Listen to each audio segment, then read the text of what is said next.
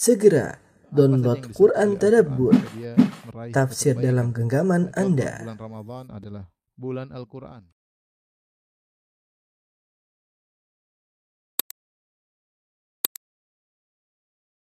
Bismillahirrahmanirrahim. Assalamualaikum warahmatullahi wabarakatuh. Alhamdulillahi ala ihsanih wa syukru lahu ala taufiqihi wa amtinanih wa asyhadu an la ilaha illallah wahdahu la syarika lahu ta'ziman li sya'nih wa asyhadu anna Muhammadan abduhu wa rasuluhu da'ila ridwani Allahumma salli alaihi wa ala alihi wa ashabihi wa ikhwani. Uh, para hadirin dan hadirat yang dirahmati oleh Allah Subhanahu wa taala. Eh, Pada kesempatan kali ini kita akan membahas suatu eh, bentuk eh, ibadah yang sangat agung yang kita disuruh untuk saling mengingatkan yaitu ibadah sabar. Yang barang siapa yang tidak bersabar maka eh, imannya kurang sempurna. Allah Subhanahu wa taala berfirman, "Wal 'asr innal insana lafi khusr illa alladziina aamanu wa 'amilus shalihaati wa tawassaw bil haqq wa tawassaw bis sabr." Demi masa sungguhnya manusia itu merugi kecuali orang beriman beramal saleh dan saling mewasiatkan untuk bertahan dalam kebenaran, melakukan kebenaran dan saling berwasiat untuk sabar. Ya. Jadi memang tawasi bis sabar, saling mewasiatkan, menasihat untuk sabar itu eh, diperintahkan oleh Allah Subhanahu wa taala karena pentingnya eh, ibadah ini ya. Eh, sampai-sampai Al-Imam Ibnu Qayyim rahimahullah mengatakan al-iman nisfan, bahwasanya iman itu terdiri atas eh, dua yaitu di, dibelah menjadi dua iman. Nisfun eh, fi sabar wa nisfun fi syukur. Eh, setengah adalah dalam bentuk syukur kepada Allah dan setengah dalam bentuk kesabaran kepada Allah Subhanahu wa taala. Barang siapa yang bisa menjalankan keduanya ketika diberi kenikmatan bersyukur dan ketika diberi ujian bersabar maka telah sempurna imannya. Makanya Allah Subhanahu wa taala menggabungkan keduanya dalam ayatnya dalam firman-Nya inna fi dzalika laayatin likulli sabbarin syakur. Ya sungguhnya pada yang demikian itu ada tanda-tanda kebesaran Allah Subhanahu wa taala bagi setiap orang yang sabbarin syakur yang suka bersabar dan suka uh, bersyukur. Kita sedang membahas tentang salah satu dari setengah keimanan tentang sabar ya. Dan sabar dalam Al-Qur'an datang dalam banyak ayat. Sampai Al-Imam Ahmad rahimahullahu taala menyebutkan sabar disebutkan dalam Al-Qur'an akthar min tis'ina mawdhi'an, disebutkan lebih dari 90 kali dalam Al-Qur'an. Eh, dan ini menunjukkan bahwasanya agungnya ibadah sabar ini ya. Karena kita tahu satu ibadah saja disebutkan dalam satu ayat saja dalam Al-Qur'an, maka itu adalah perkara yang besar di sisi Allah Subhanahu wa taala sehingga disebutkan dalam Al-Qur'an. Bagaimana datang lagi jika disebutkan lebih daripada 90 kali. Lebih dari 90 kali eh, tentang kesabaran, entah pujian kepada orang yang bersabar, tentang eh, rasa cinta Allah kepada orang yang bersabar, pahala orang yang bersabar dan surga bagi orang yang bersabar dengan berbagai macam eh, penyebutan-penyebutan yang indah tentang kesabaran. Ini semua untuk uh, mengingatkan kepada kita kalau kita sering baca Al-Qur'an ya. Agar kita telah agar kita mempersiapkan diri kita untuk diuji ya. Kita semua tidak ingin diuji, kita ingin hidup uh, santai saja, kemudian tidak eh, hidup nikmat. Manusia demikian inginnya, tetapi kenyataan tidak bisa demikian. Tabiat kehidupan uh, telah menunjukkan bahwasanya manusia itu kalau hidup pasti di diuji ya. Seti- Siapa saja, siapa saja pasti di diuji ya. Eh, sehingga tidak ada seorang pun yang luput dari namanya ujian. Siapa pun dia, apakah dia raja, apakah dia eh, rakyat jelata, apakah dia orang kaya, apakah dia orang miskin, apakah dia terkenal, tidak terkenal, laki-laki atau perempuan, ya, apakah dia atasan, dia bawahan, ya. Siapa pun dia, dia pasti diuji dengan ujian masing-masing. Masing-masing di- diuji dengan apa yang Allah pilihkan baginya. Dan kita tahu eh, kita apa sudah sering diuji ya. Meskipun tingkatan ujian berbeda-beda, tetapi saya rasa saya antum ya eh, apa namanya pernah diuji dan bahkan di antara kita sekarang sedang diuji. Entah saya, entah antum, sebagian kita sekarang sedang diuji. Mungkin di sebagian di antara sebagian kita ada yang sedang tertawa, tapi sebenarnya tertawanya cuma sebentar dia sedang baru selesai dari ujian yang lalu dan ada ujian yang sedang menantinya di depan. Dan demikian manusia terlepas dari satu ujian menuju pada ujian berikutnya. Karena itu adalah tabiat kehidupan. Allah telah menegaskan hal ini ya dalam banyak ayat bahwasanya ya kesulitan ya kepayahan itu adalah tabiat uh, kehidupan. Allah Subhanahu wa taala berfirman, "Laqad khalaqnal insana fi kabad." Sungguh kami telah menciptakan manusia dalam kepayahan. Dalam kepayahan. Ya, karena yang namanya uh, hilangnya kesulitan secara total hanya di surga. Selama Anda masih hidup, ya, maka Anda diciptakan dalam kepayahan. Laqad khalaqnal insana fi kabad. Sungguh kami telah menciptakan manusia dalam kabad. Kabad itu kepayahan, yukabidul hayat, dia menghadapi sulitnya kehidupan. Ya. Tentu ada kesenangan, kegembiraan, ada canda, ada tawa, tetapi setelah itu diselingi dengan berbagai macam uh, ujian. Ada kesedihan, ada tangisan, siapa pun kita, siapa pun kita. Ya. Mau raja, mau siapa pun, mau menteri, mau panglima, semuanya pasti bersedih, semuanya pasti pernah menangis ya. Eh, bahkan di antara kita saya katakan tadi di antara kita saat ini ada yang di antara kita yang sedang diuji. Hanya saja eh, ada yang kuat menahan ujian tersebut, ada yang tidak tidak kuat. Tetapi itulah tabiat kehidupan seorang tidak akan lepas dari namanya ujian. Dan Allah Subhanahu wa taala telah menjelaskan juga selain namanya kesulitan hidup adalah tabiat kehidupan, ujian adalah tabiat kehidupan. Allah Subhanahu wa taala telah menjelaskan bahwasanya tujuan kita diciptakan di atas muka bumi untuk diuji. Tujuan kita diciptakan adalah untuk diuji. Allah Subhanahu wa taala berfirman, eh, di antaranya alladzi khalaqal mauta wal hayata liyabluwakum ayyukum ahsanu amala. Dialah Allah yang telah menciptakan kehidupan dan kematian liyabluwakum untuk menguji kalian. Ayyukum ahsanu amala. Mana di antara kalian yang amalannya yang terbaik. Jadi memang kita diciptakan untuk diuji. Ya. Kullu nafsin dha'iqatul maut. Dalam surat Al-Anbiya kata Allah, "Kullu nafsin dha'iqatul maut wa nabluukum bisyarri wal khairi fitnah wa ilaina turja'un." Setiap yang bernyawa akan merasakan kematian. Wa nabluukum bisyarri wal khair. Kami akan menguji kalian, sungguh-sungguh kami akan menguji kalian dengan uh, kesulitan, dengan kemudahan. Wa ilaina turja'un dan kepada kamilah kalian akan dikembalikan. Artinya Allah menciptakan kita untuk diuji. Setelah itu Allah akan kembalikan kita untuk memintai pertanggungjawaban dari kita apa yang akan apa yang telah kita lakukan dalam menghadapi ujian tersebut. Siapa pun di antara kita ya uh, pasti pasti diuji. Bahkan Allah mencipt Allah sebutkan Allah menciptakan alam semesta ini untuk ujian. Allah Subhanahu wa taala berfirman wa huwa alladhi khalaqas samawati wal arda fi sittati ayyamin wa kana arshuhu 'alal ma' liyabluwakum ayyukum ahsanu amala dalam surat Hud. Kata Allah Subhanahu wa taala dialah Allah yang telah menciptakan langit dan bumi dan apa di antara keduanya ya Kata Allah, liyabluwakum ayyukum ahsanu amal. Untuk menguji kalian siapa di antara kalian amal yang terbaik. Jadi alam semesta pun diciptakan sebagai prasarana untuk menguji kita. Demikian juga uh, dalam uh, surat Al-Kahfi kata Allah, "Inna ja'alna ma'alal ardi zinatan laha linabluwahum ayyuhum ahsanu amala." Ya.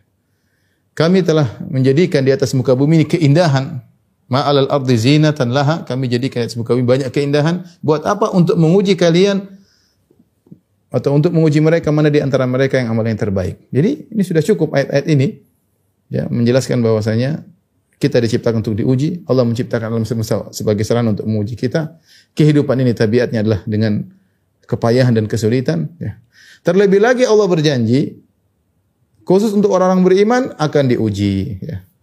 Seperti firman Allah Subhanahu wa taala, "Am hasibatum an tadkhulul jannata wa lamma ya'tikum mathalul ladzina khalau min qablikum masathumul ba'sa'u wadh-dharra'u wa zulzilu."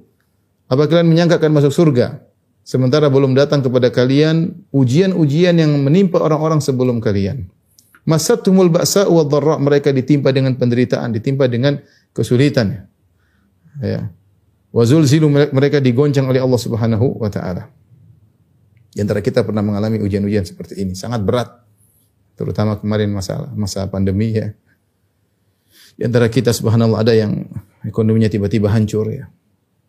Ada di antara mereka yang akhirnya kemudian ditinggal oleh sebagian uh, orang-orang yang dia cintai ya, diambil oleh Allah Subhanahu wa taala di masa pandemi ya. Di antara mereka ada yang kuat bersabar, di antara mereka ada yang sampai futur ya.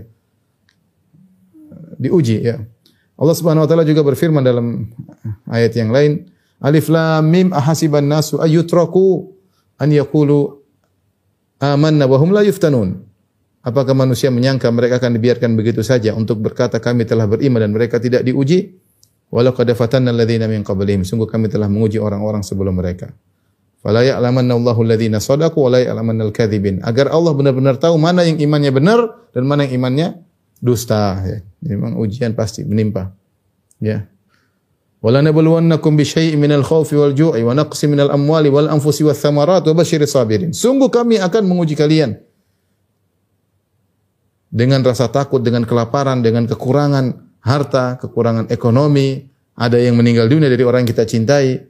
Kata Allah, basyir sabirin. Berilah kabar gembira kepada orang-orang yang bersabar. Jadi, intinya mukadimah ini saya sampaikan kepada kita semua untuk mengingatkan diri saya pribadi dan juga kepada para hadirin hadirat bahwasanya sabar, bahwasanya ujian adalah tabiat kehidupan. Tidak bisa kita hindari. Tidak bisa kita hindari. Ya siapa yang tidak mau diuji ya maka jangan hidup dia. Kalau dia hidup, dia pasti diuji. Hanya saja ya level ujian tersebut berbeda-beda antara satu dengan yang lain. Tetapi diuji pasti diuji. Pasti di, diuji. Nah, kalau kita tahu bahwasanya ujian adalah rangkaian dari pernak-pernik kehidupan, maka apa yang harus kita lakukan dalam menghadapi ujian tersebut? Bagaimana kita bisa bersabar? Bagaimana kita bersabar? Maka pada kesempatan kali ini saya akan mengajak diri saya pribadi dan juga para ikhwan dan akhwat untuk sama-sama merenungkan beberapa perkara yang membantu kita untuk bisa bersabar ketika uh, kita diuji oleh Allah Subhanahu wa taala. Uh, insyaallah mudah-mudahan bisa kita amalkan dalam kehidupan kita sehari-hari ya. Uh, renungan-renungan agar bersabar ya. Yang membantu kita untuk bersabar banyak hal ya. Yang pertama, tadi sudah saya sebutkan, ya, uh, ujian merupakan tabiat kehidupan. Ini sudah jelas. Orang yang hidup pasti diuji siapa pun dia. Ya. Kalau anda apa namanya menyangka cuma anda diuji saja enggak, banyak orang ya diuji. Orang lebih kaya daripada anda juga diuji, orang lebih terkenal daripada anda juga diuji. Ya. Kita semua diuji. Ujian merupakan tabiat uh, kehidupan. Kemudian yang uh, berikutnya uh, Allah telah berjanji, terlebih lagi Allah telah berjanji untuk menguji orang-orang beriman.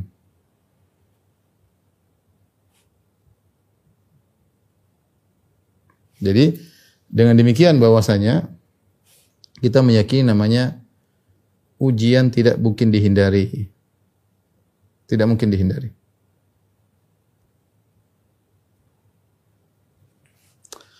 Baik, uh, berikutnya agar kita mudah untuk bersabar, kita ingat bahwasanya uh, sabar merupakan ibadah yang agung.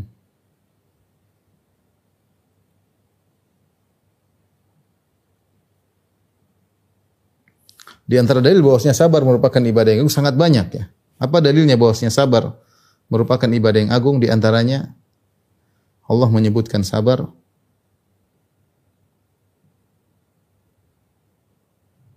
lebih dari 90 kali di Al-Qur'an. Sebelum saya lanjutkan, apa sebenarnya sabar sih? Sabar itu secara bahasa Arab artinya al-habsu, yaitu menahan. Apa maksudnya? Yaitu menahan diri agar tidak melakukan suatu perbuatan atau mengucapkan suatu perkataan yang menunjukkan kita protes dengan keputusan Allah Subhanahu wa taala, ya. Oleh karenanya segala perbuatan, segala ucapan yang menunjukkan kita protes terhadap keputusan Allah berarti kita tidak bersabar.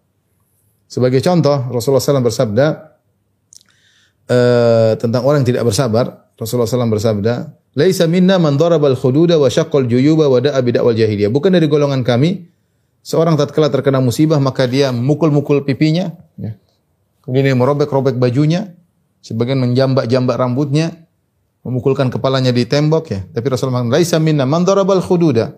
Bukan dari golongan kami orang terkena musibah dia memukul-mukul pipinya, wasyaqqal juyuba, merobek-robek bajunya, wa da'a bid'awal jahiliyah dan menyeru dengan seruan jahiliyah. Ini contoh tidak sabar.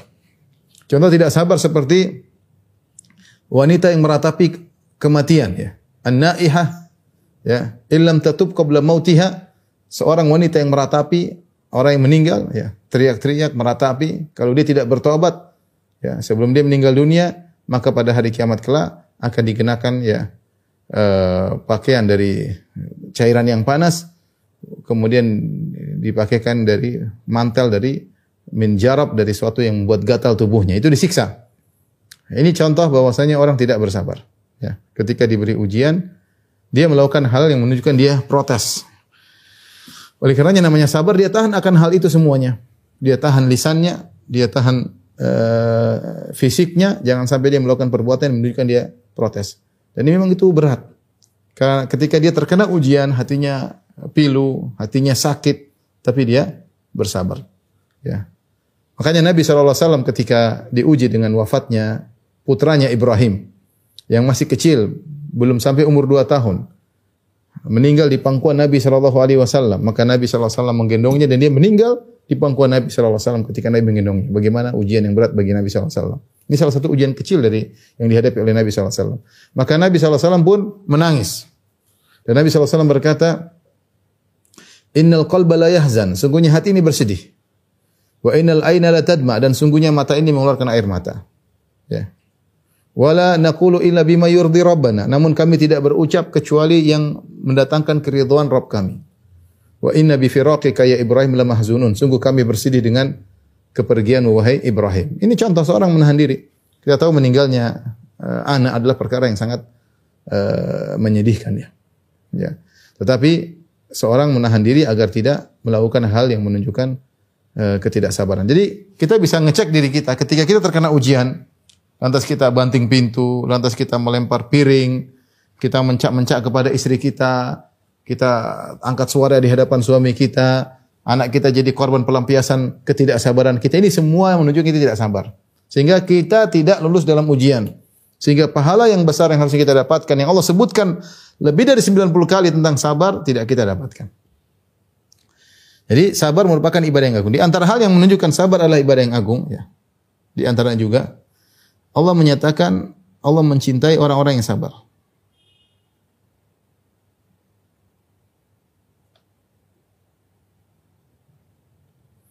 Allahu yuhibbus sabirin kata Allah wallahu yuhibbus sabirin subhanallah.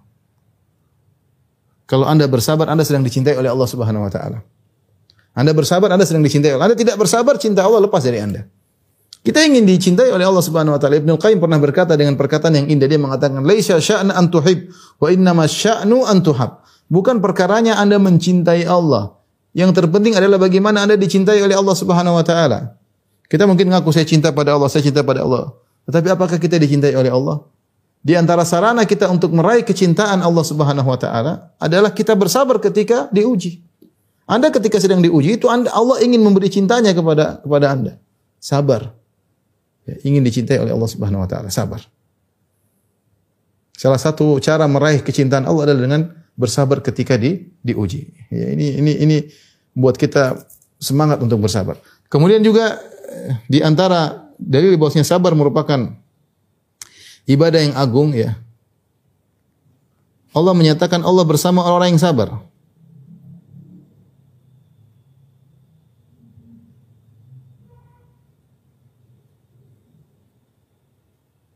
Dalam Al-Quran kata Allah Subhanahu wa taala, "Inna Allaha ma'as sabirin."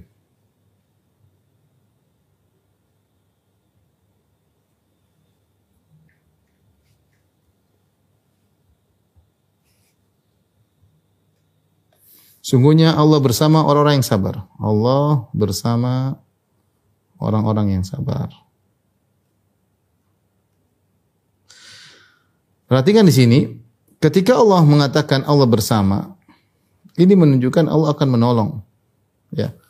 Namanya ma'iyatullahil khasah, kebersamaan Allah yang secara khusus. Allah bersama seluruh makhluknya dengan ilmunya, dengan penglihatannya, dengan pendengarannya. Allah bersama seluruh makhluknya. Ya. Tetapi untuk orang-orang khusus, Allah punya kebersamaan khusus. Makanya ketika uh, Nabi Muhammad SAW dan Abu Bakar radhiyallahu taala anhu di dalam goa Jabal Thawr, kemudian kaum musyrikin sudah ada di pintu di mulut goa, Abu Bakar sedih, ketakutan, khawatir Rasulullah SAW ditangkap oleh mereka. Maka apa kata Nabi Muhammad SAW? Ya, La tahzan inna Allaha ma'ana. Allah abadikan dalam Al-Quran. Idh yakulu li sahibihi thaniya thnaini idh huma fil ghar idh yakulu li sahibihi la tahzan inna Allaha ma'ana. Ya. Ketika Rasulullah SAW berkata kepada sahabatnya dalam goa, dia mengatakan la tahzan, jangan kau sedih, jangan kau khawatir. Inna Allaha ma'ana, Allah bersama bersama kita. Kapan kita bersabar, Allah bersama kita. Kita harus ingatkan diri kita, sabar. Allah bersama kita. Kalau Allah bersama kita, kita pasti menang. Karena Allah bersama kita dengan pertolongannya, ya, dengan bimbingannya. Ya. Kapan kita mulai tidak sabar, maka Allah meninggalkan kita. Allah meninggalkan kita. Dan Allah bersama kita, Allah akan kasih solusi. Kenapa kita tidak mendapat solusi? Karena banyak di antara kita tidak bersabar. Banyak kita tidak tidak bersabar. Ya. Uh,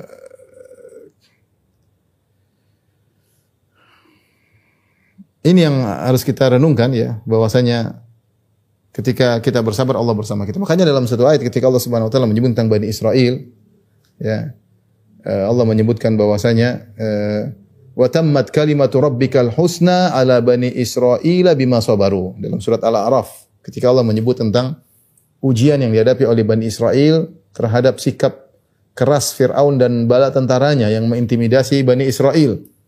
Allah sebutkan bagaimana Allah binasakan Fir'aun dan bala tentaranya. Allah mengatakan tammat kalimatu rabbikal husna ala bani Israila bima sabaru. Kata Allah Subhanahu wa taala, maka sempurnalah perkat kalimat Allah, keputusan Allah yang indah bagi Bani Israel. Kenapa? Bima sabaru atas kesabaran mereka. Sungguh indah perkataan dari uh, dalam kitab Rohul, Ma, Rohul Ma'ani ya perkataan Al-Alusi, Al-Alama Al-Alusi rahimahullahu taala ketika dia menafsirkan ayat ini. Dia mengatakan bagaimana Bani Israel dikasih solusi oleh Allah Subhanahu wa taala mendapatkan penghujung yang indah Allah bersama mereka karena mereka bersabar. Karena mereka bersabar. Ketika mereka bersabar, Allah kasih penghujung yang indah. Wa tammat kalimatu rabbikal husna ala bani Israel bima sabaru maka sempurnalah kalimat yang indah bagi Bani Israel karena kesabaran mereka. Kemudian Al-Alusi berkata, nah kita banyak menghadapi permasalahan, baik permasalahan dalam kehidupan sehari-hari, permasalahan politik, permasalahan banyak hal. Ketika kita tidak bersabar, kita ingin menghadapi permasalahan tersebut dengan cara kita. Sehingga Allah meninggalkan kita. Allah tidak bersama kita. Sehingga tidak ada solusi. Tidak ada solusi. Makanya saya sering sampaikan, Allah sebutkan dalam Al-Quran tentang masalah Perkara yang sangat pelik itu masalah cerai. Saya rasa tidak ada perkara paling pelik bagi seorang laki dan wanita dalam kehidupannya seluruhnya seperti permasalahan cerai. Apalagi dia sudah punya sudah nikah lama, sudah mungkin 10 tahun lebih, punya anak, kemudian terjadi cekcok sehingga sampai pada permasalahan cerai. Itu perkara yang sangat berat dihadapi oleh seseorang. Laki-laki pun wanita. Tapi Allah mengatakan khusus masalah cerai dalam surat At-Talaq, surat cerai. Kata Allah Subhanahu wa taala, "Wa may yattaqillaha yaj'al lahu makhraja." Barang saya bertakwa kepada Allah, Allah berikan solusi dalam permasalahan yang sangat pelik permasalahan cerai. Dan bagaimana seorang bertakwa dengan sabar menghadapi permasalahan, mengikuti aturan Allah ketika terjadi perceraian. Tetapi banyak banyak perceraian mengakibatkan keburukan baik bagi sisi lelaki maupun sisi wanita, bahkan berim, berimpak kepada anak-anak broken home dan yang lainnya kasihan. Kenapa? Karena kedua orang tuanya yang bercerai tersebut tidak bersabar dan tidak bertakwa dalam menghadapi masalah mereka. Kita ini menghadapi banyak permasalahan, tapi kita mau cari solusi dengan cara sendiri. Di antaranya tidak bersabar. Akhirnya Allah tinggalkan kita. Nah, kalau Anda ingin dikasih solusi oleh Allah, sabar. Kata Allah, Inna Allah ma'asabirin. Allah bersama orang yang sabar. Maka indah perkataan Alusi di sini mengatakan bagaimana Bani Israel sabar dengan kesabaran yang panjang, kesabaran yang lama, Allah memberikan kesudahan yang indah bagi mereka. Allah mengatakan wa tammat kalimat rabbikal husna ala bani Israel bima sabaru. Allah berikan kesudahan yang indah bagi Bani Israel karena kesabaran mereka. Jadi sabar adalah ibadah yang sangat yang sangat agung. Di antara dalil menunjukkan sabar adalah ibadah yang sangat agung. Tentu banyak sekali ya. Saya sebutkan sebagian. Adalah sabar sebab masuk surga.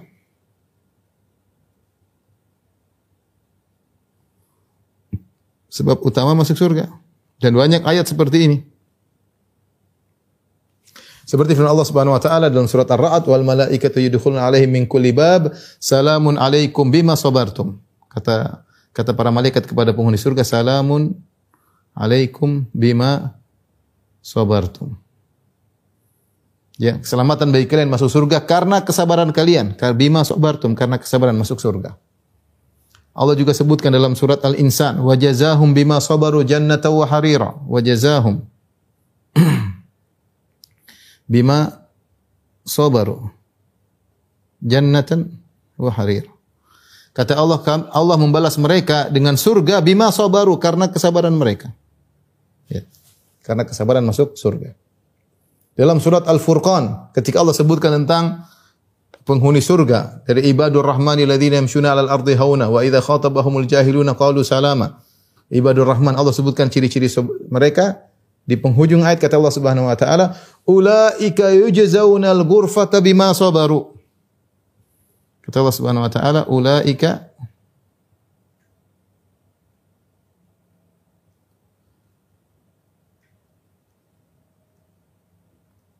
Mereka itulah orang-orang yang mendapatkan balasan gurfah, maksudnya surga, bima sabaru. Bima sabaru. Mereka mendapatkan surga karena kesabaran mereka. Ini menunjukkan bahwasanya sabar adalah ibadah yang sangat agung. Nah kita, masalahnya jadi yang jadi masalah, kita tidak menghayati eh, pada diri kita bahwasanya sabar adalah ibadah. Kita baru bisa menghadirkan dalam diri kita bahwasanya kita sedang beribadah kalau kita lagi sholat, kalau kita lagi baca Quran, ya. Uh, kalau kita lagi bersedekah, kita sedang merasa beribadah. Tapi ketika kita sabar menghadapi problematika, pilunya hati, sakitnya hati kita tahan. Seakan-akan kita tidak beribadah. Padahal ini ibadah, pahalanya sangat besar. Dan banyak kemanfaatannya ketika kita bersabar. Ini saya sebutkan tadi banyak sekali. Di antaranya sebab utama masuk surga. Dan Allah mengatakan dalam Al-Quran, sabar pahalanya sangat besar.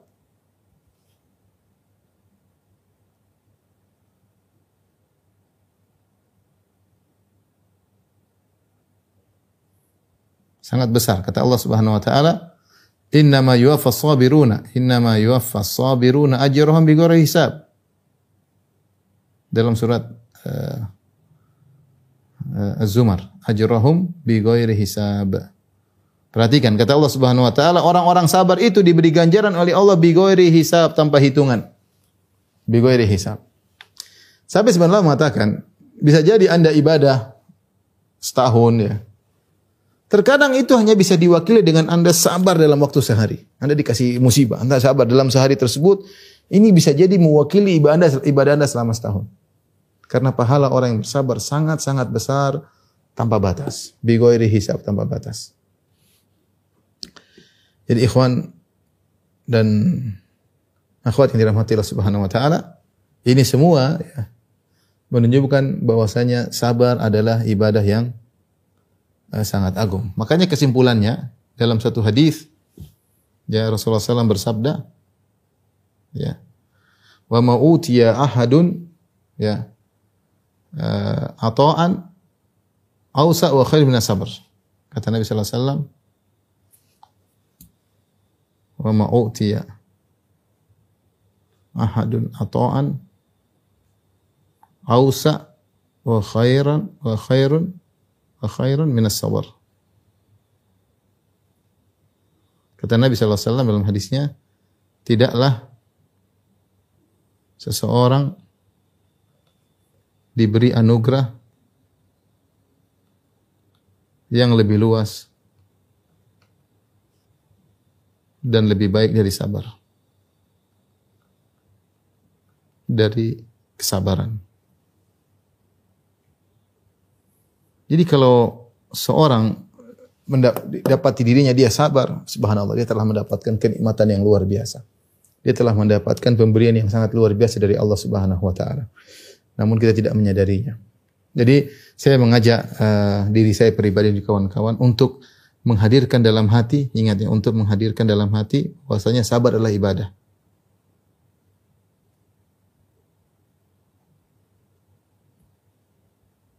Bahwa sabar adalah ibadah.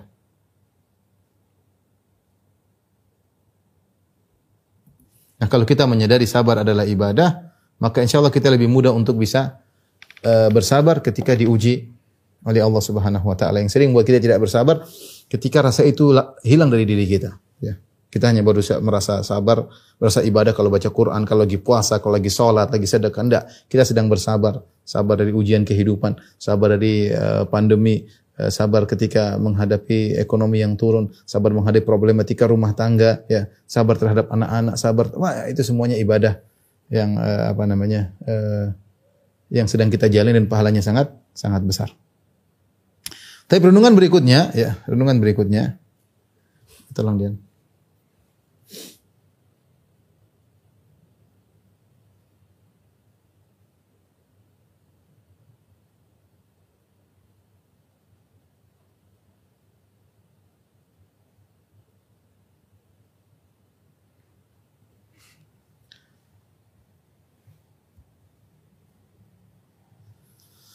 Renungan-renungan. Kita lanjutkan. Agar kita bisa bersabar, kita ingat bahwasanya eh, musibah memiliki dua fungsi, ya.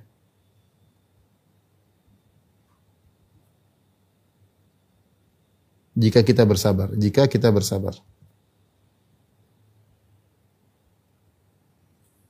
Di antaranya adalah menghapuskan dosa-dosa, menggugurkan dosa-dosa. Yang kedua adalah mengangkat derajat.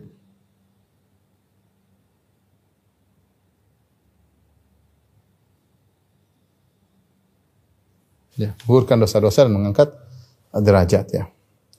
Dalam hadis uh, Rasulullah SAW mengatakan la tasubbil humma fa innaha tudhibu khataya bani Adam kama yudhibul kir khabathal hadid. Janganlah engkau wahai sang wanita mencela demam. Kalau seorang demam lagi dikasih penyakit jangan oh, kenapa demam? Kenapa harus sakit? Memaki-maki penyakit enggak. Jangan kau mencaci penyakit kata Nabi SAW. Demam itu demam yang kelihatannya penyakit sederhana. Kata Nabi, fa innaha tudhibu khataya bani Adam. Demam yang kau rasakan itu akan menggugurkan dosa-dosamu.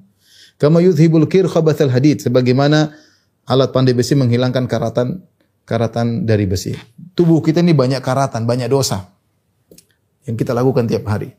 Dosa pandangan, dosa pendengaran, dosa ucapan, dosa hati, banyak dosa tiap hari tidak tidak lepas dari namanya dosa.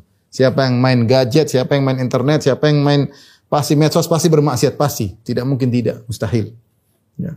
Nah, ketika Allah memberikan kita ujian, ujian sederhana seperti demam. Demam ternyata mengukurkan dosa-dosa. Bagaimana lagi ujian-ujian yang lain? Yang lebih berat, ekonomi hancur ya sakit lebih parah, kehilangan orang yang kita cintai, oh banyak sekali. Ini benar-benar menggugurkan apa? Dosa-dosa. Kalau kita sabar tapi. Selain menggugurkan dosa-dosa, akan mengangkat derajat. Dalam satu hadis Rasulullah SAW bersabda, Innal abda lahu manzilatun inda Allah. Sungguhnya seorang hamba memiliki kedudukan di sisi Allah di surga, memiliki kedudukan yang tinggi. Lam yablughuha bi amalihi. Dia tidak bisa mencapai derajatnya dengan amal perbuatannya. Allah lihat amal dia sederhana. Amal dia pas-pasan sementara Allah mencatat dia di derajat yang tinggi. Dilihat dari sholatnya kurang, dilihat dari sedekahnya kurang, baktinya sama orang tua kurang, baca bacaan Qurannya kurang. Ya.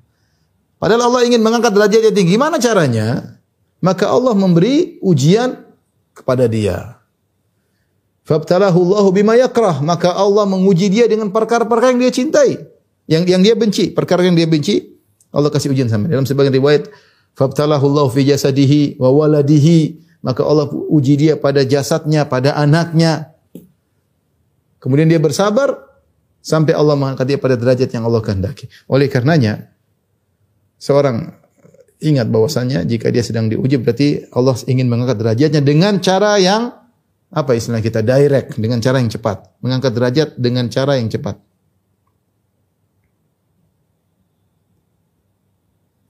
Lebih cepat daripada amal soleh biasa.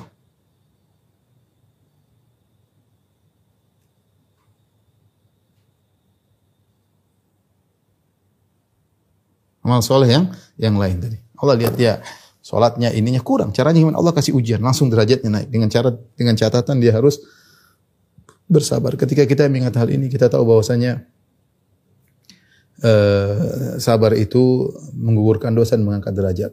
Dalam hadis yang lain kata Nabi sallallahu alaihi wasallam, "Ma yusibul muslim min nasabin wala wasabin wala hammin wala ghammin wala adhan hatta syauka yushakuha illa kafarallahu bihi khatayahu. Tidaklah seorang muslim ditimpa dengan rasa letih, dengan sakit. Ya, ini semua adalah hal yang tidak kita sukai. Letih, capek, pegel, pegelinu ya. Eh, enggak enak namanya badan pegel tuh enggak enak. Letih, capek, encok dan macam-macam. Kemudian uh, wala wasabin, penyakit yang menimpa dengan berbagai macam penyakit, mulai dari demam sampai yang lainnya, ya. Kemudian wala hammin, wala hazanin, kesedihan yang dialami, kegelisahan, gomin, gundah gulana, kekhawatiran, ya. Wala adan sampai orang mendolimi dirinya, dikata-katain, didolimi, ya. Kemudian hatta syauka yushakuha bahkan duri yang mengenainya illa kafarallahu bi khatayahu kecuali Allah akan menggugurkan menggugurkan dosa-dosanya. Dalam hadis yang lain senantiasa Allah menguji seorang hamba dari satu ujian ke ujian yang lain sampai dia berjalan di atas muka bumi tanpa ada dosa sedikit pun pada tubuhnya. Ini di antara cara Allah untuk menghilangkan dosa-dosa seorang hamba dengan ya memberikan ujian kepadanya. Jadi kita ingat harus kita sadari bahwasanya musibah memiliki dua fungsi. Jika kita bersabar, Pertama menggugurkan dosa, yang kedua mengangkat eh, derajat. Saya beberapa waktu yang lalu saya eh, mengadakan kunjungan di salah satu rumah sakit di Jawa Barat ya. Kebetulan direkturnya adalah kawan ya. Kemudian saya ngantri mau ronsen. Ketika saya ngantri saya lihat tulisan di situ. Dia taruh dia taruh hadis. Hadis itu, "Mayusibil muslimin wasabin wala nasabin wala hammin." Tidaklah seorang muslim ditimpa dengan sakit, kesedihan, kecuali Allah akan menggugurkan dosa-dosanya. Namanya orang sakit itu pasti bercampur ada sakit, pegel, sedih, gelisah tercampur dalam dirinya. Tapi ketika saya baca hadis tersebut jadi sejuk. Saya juga sedang sakit waktu itu. Hati merasa sejuk subhanallah.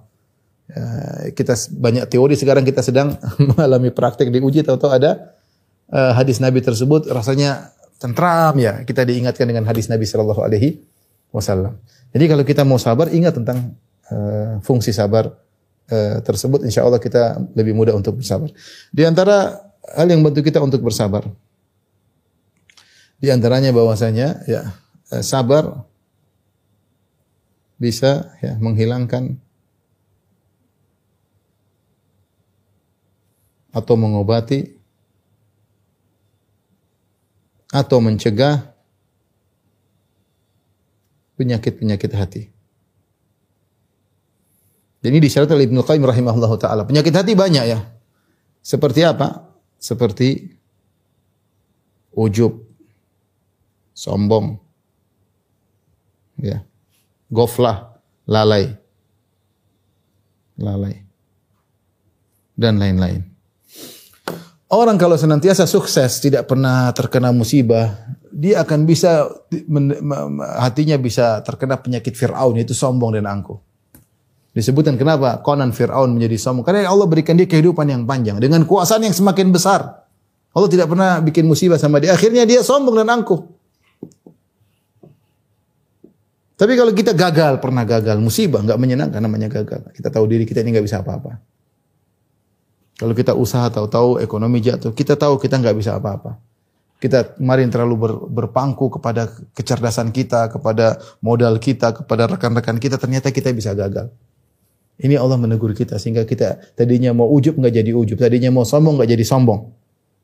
Seandainya Allah tidak kasih teguran-teguran tersebut, mungkin entah hati kita isinya apa, kita nggak tahu. Makanya Ibnu Qayyim mengatakan uh, seperti itu bahwasanya dengan adanya ujian-ujian maka akan menghilangkan berbagai macam penyakit-penyakit hati yang bisa menimpa seorang kalau seandainya tidak diuji oleh Allah Subhanahu wa taala. Di antara juga menghilangkan penyakit ghaflah lalai. Betapa banyak orang ketika diberi kenikmatan, dia lupa beribadah kepada Allah Subhanahu wa taala. Ketika Allah kasih ujian, dia salat malam. Dia menangis. Di hadapan Allah Subhanahu wa taala angkat kedua tangannya, dia mengatakan, "Ya Allah, seluruh pintu telah tertutup, pintu langit tidak pernah Engkau tutup, ya Allah, aku angkat kedua tanganku." Dia nangis di tengah malam. Yang ini mungkin tidak dia lakukan kalau tidak dikasih musibah oleh Allah Subhanahu wa taala. Ya. Makanya bisa jadi seorang berdoa apa minta kepada Allah agar dilunasi hutang-hutangnya tapi Allah tidak pernah lunasi hutangnya Allah biarkan dia dalam hutang supaya apa supaya dia selalu berharap kepada Allah Subhanahu wa taala ada saatnya Allah lunasi hutangnya karena Allah tahu jika tidak jika dilunasi hutangnya mungkin dia lupa kepada Allah dia ghaflah lalai dari Allah Subhanahu wa taala ini antara hal yang uh, kita renungkan ketika kita diuji ya subhanallah Allah uji kita agar kita tahu diri kita ini siapa. Kita nggak bisa apa-apa. Kita ini sangat sangat lemah. Ya. Makanya ada perpatah Arab mengatakan uh, tentang apa namanya seorang inna rajula utiya uh, utiya min haitsu ya'man atau yu'ta min haitsu ya'man. Seorang sering terkena musibah dari sisi dia merasa hebat di situ. Di sisi dia merasa hebat di situ. Di poin itulah dia merasa hebat ya. Sampai ada seorang pernah uh, ngobrol sama saya, dia bilang, ini sepatu, ini sepatu kokoh kalau kita olahraga kokoh karena sepatu ini safety luar biasa. Sepatunya mahal. Justru dia dia celaka di sepatu tersebut. Dia celaka di dia, dia merasa aman di bagian situ, dia lupa diri. Justru dia cedera di bagian yang ada sepatunya tersebut. Kadang-kadang orang lupa. Nah, dengan adanya teguran-teguran tersebut, ujian musibah-musibah tadi menegur seorang agar dia tidak terkena eh, penyakit-penyakit uh, hati yang bisa membuat dia uh, semakin parah. Kemudian di antaranya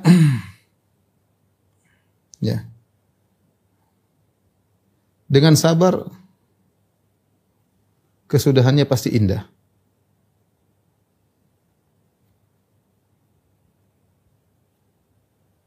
Allah mengatakan fasbir innal akibata lil muttaqin. Allah menyebutkan kepada Nabi sallallahu alaihi wasallam Allah mengatakan fasbir innal akibata lil muttaqin. Cepat atau lambat. Kata Allah, bersabarlah sungguhnya kesudahan yang indah bagi orang yang bertakwa. Bersabarlah sungguhnya kesudahan yang indah bagi yang bertakwa. Jadi begini ikhwan. Ketika kita sedang diuji, kita tahu kita tahu Allah yang lebih tahu tentang kemaslahatan kita. Wallahu ya'lamu wa antum la ta'lamun. Allah yang tahu kalian tidak mengetahui. Kata Allah Subhanahu wa taala, "Wa asa an takrahu syai'an wa huwa khairul lakum, wa asa an tuhibbu syai'an wa syarrul lakum." Bisa jadi kau benci sesuatu, ternyata itu baik bagimu. Bisa jadi kau suka sesuatu ternyata buruk bagimu. Wallahu ya'lamu antum la ta'lamun. Allah yang tahu sementara kau tidak mengetahui. Ya, kita ini bisa jadi berencana penginnya begini, penginnya begitu idenya begini ternyata gagal, yakinlah kalau kita sabar di balik itu pasti ada hikmah yang indah. Pasti ada kesudahan yang indah yang Allah siapkan untuk kita. Dengan syarat kita sabar. Kalau kita nggak sabar bisa jadi kesudahannya buruk. Tapi kalau kita bersabar pasti kesudahannya indah. Allah yang mengatakan, "Fasbir innal akhibata lil muttaqin." Bersabarlah sungguhnya kesudahan indah bagi orang yang bertakwa. Ya. Kata Nabi Yusuf alaihissalam, "Innahu may yattaqi wa yasbir." Fa inna Allah la yudha ajral muhsinin. Nabi Yusuf alaihissalam ketika ketemu dengan kakak-kakaknya yang telah mencelakakan dia ketika masih kecil dulu, dia mengatakan fas uh, uh, in, uh, apa namanya? Uh, Allah mengatakan dia mengatakan innahu may yattaqi wa yasbir. Sungguhnya siapa yang bertakwa dan bersabar, fa inna Allah la yudha ajral muhsinin. Allah tidak akan menyia-nyiakan balasan bagi orang-orang yang ihsan. Nabi Yusuf alaihissalam ketika diuji dia selalu bersabar. Diuji dilempar oleh kakaknya dalam sumur dia bersabar. Dia ihsan. Dia menghadirkan bahwasanya Allah sedang melihat kondisi dia, Allah sedang menilai dia. Ketika kemudian dia dijual jadi budak, dia bersabar. Kemudian dia dijadikan pembantu, dia bersabar. Ketika diuji untuk diajak berzina, dia bersabar. Hasilnya apa? Allah muliakan dia di penghujung hayatnya Allah menjadikan dia seorang bendaharawan yang dihormati oleh seluruh penduduk Mesir. Dan dia berkata, "Innahu mayyattaqi." Ini kesimpulan dari perjalanan hidup Nabi Yusuf. Dia berkata alaihissalam, Innahu mayyattaqi wa yasbir. Sungguhnya siapa yang bertakwa dan bersabar, fa inna la yudhi'u ajral muslimin. Allah tidak akan menyia-nyiakan ganjaran bagi orang yang berbuat ihsan. Namun ini perlu kesabaran yang panjang. Kita ini ingin segera mendapatkan hasil dan tidak bersabar. Semakin kita tidak bersabar, hasil semakin jauh. Semakin kita bersabar, hasil semakin cepat. Jadi eh, orang yang bersabar pasti kesudahannya pasti pasti indah serahkanlah ya pilihan kepada Allah ya. Pilihan kepada Allah. Ada pernyataan yang mengatakan apa? Al khair khiratullah. Al khair khiratullah. Yang terbaik adalah pilihan Allah. Kita sudah berencana, tapi Allah mentakdirkan yang lain. Yakinlah itu yang terbaik bagi uh, bagi kita. Tapi di antara hal yang bantu kita untuk bersabar, jangan lupa berdoa ketika pertama kali terkena musibah.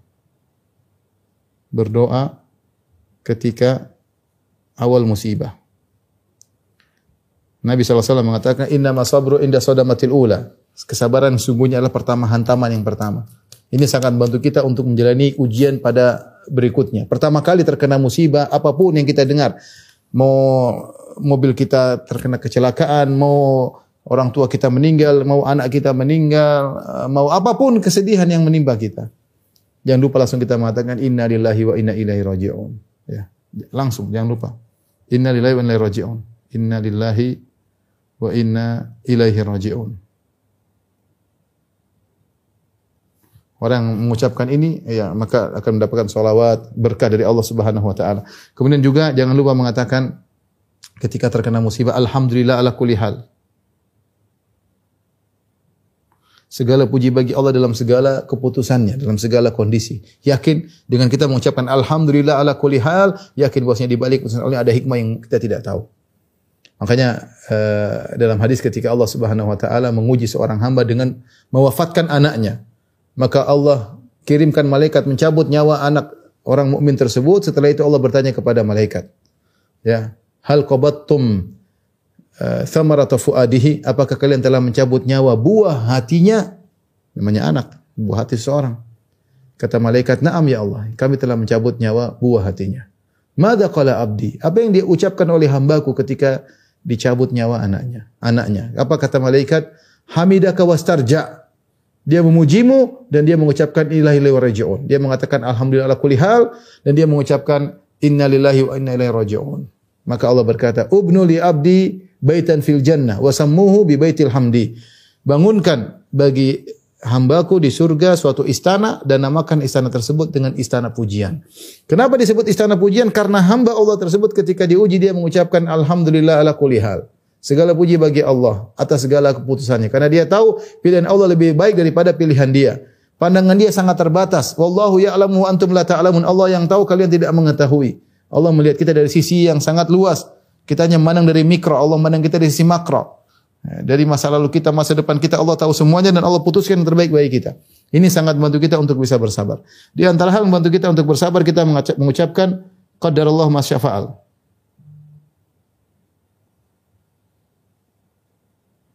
Ya. Segala qadar Allah ya, yaitu ini semua takdir Allah Subhanahu wa taala dan apa yang Allah kehendaki Allah akan lakukan. Semua takdir Allah.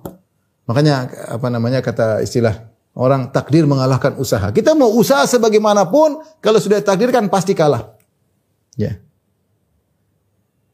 La yanfa'ul hadar ma'al qadar. Orang sudah berusaha, sudah waspada, tapi kalau sudah takdir nggak bisa bermanfaat usaha tersebut. Waspada dia nggak mungkin tidak bermanfaat. Ya.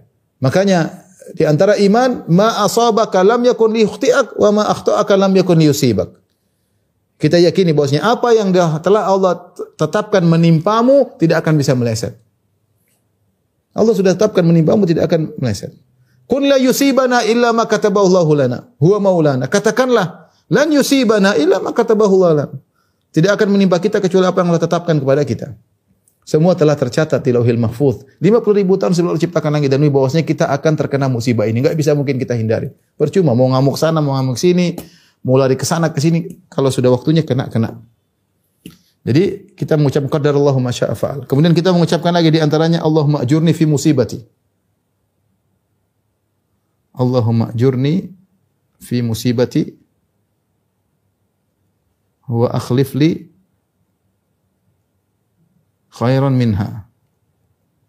Ya Allah berilah aku pahala dalam musibah ini dan gantilah aku dengan lebih lebih baik. Ini di antara hal yang membantu kita untuk bisa bersabar tatkala kita terkena musibah. Di antara hal karena waktu sudah semakin jauh ya. Di antaranya adalah kita ingat terlalu banyak kenikmatan yang sudah terlalu banyak kenikmatan Allah, banyak kenikmatan dari Allah tidak sebanding dengan musibah yang kita hadapi.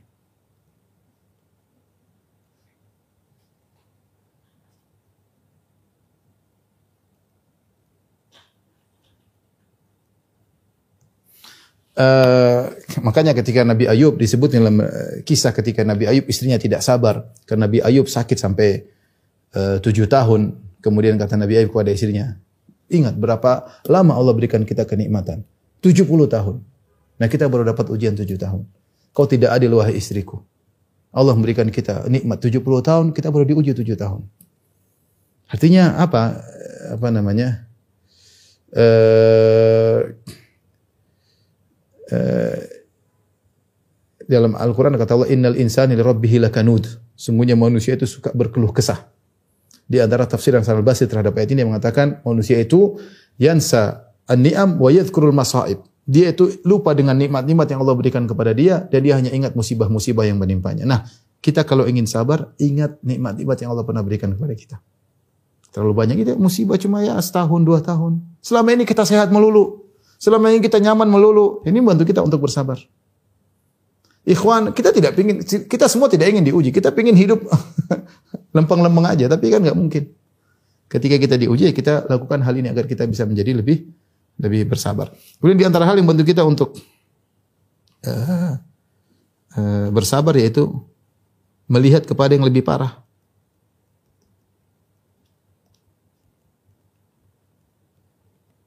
Kata Nabi SAW, walakin dhur ila man tahta, tahta minkum, man asfala minkum. Nah, tapi lihatlah kepada yang di bawah lebih parah daripada kalian. Betapun ujian yang kita hadapi pasti yang lebih parah daripada kita. Taruhlah kita dalam waktu pandemi tadi, waktu pandemi ada orang yang kita cintai meninggal. Kita bilang masih ada yang lebih parah daripada kita. Ada yang satu keluarga semua meninggal cuma dia sendiri yang hidup. Lebih parah daripada kita. Inilah kita melihat orang banyak diuji, meringankan beban kita. Karena bukan cuma kita yang diuji, itu juga diuji, itu juga diuji. Apa pun yang kita hadapi, pasti ada yang lebih parah yang uh, lebih parah daripada kita dan itu membantu kita untuk bersabar. Yang terakhir mungkin sebagai penutup, semua ujian membuat kita rindu kepada surga. Yang tidak ada kesedihan sama sekali pada surga. kesedihan sama sekali di dalamnya. Inilah tabiat kehidupan. Namanya kehidupan siapa pun orangnya pasti terkontaminasi dengan kesedihan kekhawatiran. Kalau ingin hidup tanpa sedih dan khawatir cuma di surga. Makanya ketika Allah Subhanahu wa taala sebutkan dalam surat Fatir ketika penghuni surga masuk surga pertama kali apa yang mereka ucapkan alhamdulillahilladzi adhaba annal hazan Segala puji bagi Allah yang menghilangkan kesedihan dari kami. Segala bentuk kesedihan hilang ketika kaki masuk surga selesai semua kesedihan. Kita di dunia tidak akan lupa dari namanya kesedihan. Kebahagiaan yang diliputi dengan kesedihan. Nah, apa kata Nabi kata Jibril alaihissalam kepada Nabi SAW? Ya Muhammad, ish ma, ma syi'ta fa innaka mayyit. Hiduplah sebagaimana kau kehendaki kau akan meninggal. Ya Muhammad, ahbib man syi'ta fa innaka mufariquh. Wahai Muhammad, cintailah siapa yang kau kehendaki, kau pasti akan berpisah darinya. Enggak mungkin. Demikian kehidupan. Sekarang kita bahagia sekarang. Kita saya bicara sebagai saya. Saya banyak orang saya cintai. Istri saya, anak-anak saya, saudara-saudara saya. Ada suatu saat saya akan sedih ketika berpisah dari mereka. Entah mereka yang bersedih karena saya meninggal atau saya yang bersedih karena mereka meninggal. Subhanallah, kebahagiaan yang kita rasakan cinta terhadap istri, cinta terhadap anak-anak tergadaikan dengan kesedihan tatkala berpisah dari mereka. Itulah kehidupan. Kata Jibril, ahbib man syi'ta fa innaka mufariquh. Cintailah siapa yang kau kehendaki wahai Muhammad, kau akan berpisah darinya. Dan inilah kehidupan di dunia, tidak lupa daripada ujian, maka bersabarlah agar kita bisa meraih kenikmatan yang tidak terkontaminasi dengan kesedihan apa pun yaitu di surga. Semoga Allah Subhanahu wa taala menjadikan kita hamba-hamba yang bersabar dan masukkan kita dalam surganya. Amin ya rabbal alamin. Demikian mungkin bisa sampaikan. Semoga menjadi pemicu bagi kita semua untuk uh, bersabar. Dan saya yakin di antara kita ada yang sedang diuji. Uh, semoga itu menjadi uh, peningkat derajat bagi kita. Dan semoga ini merupakan sebab kita untuk dimasukkan Allah dalam surganya. Amin ya rabbal alamin. Wabillahi taufiq wal hidayah. Assalamualaikum warahmatullahi wabarakatuh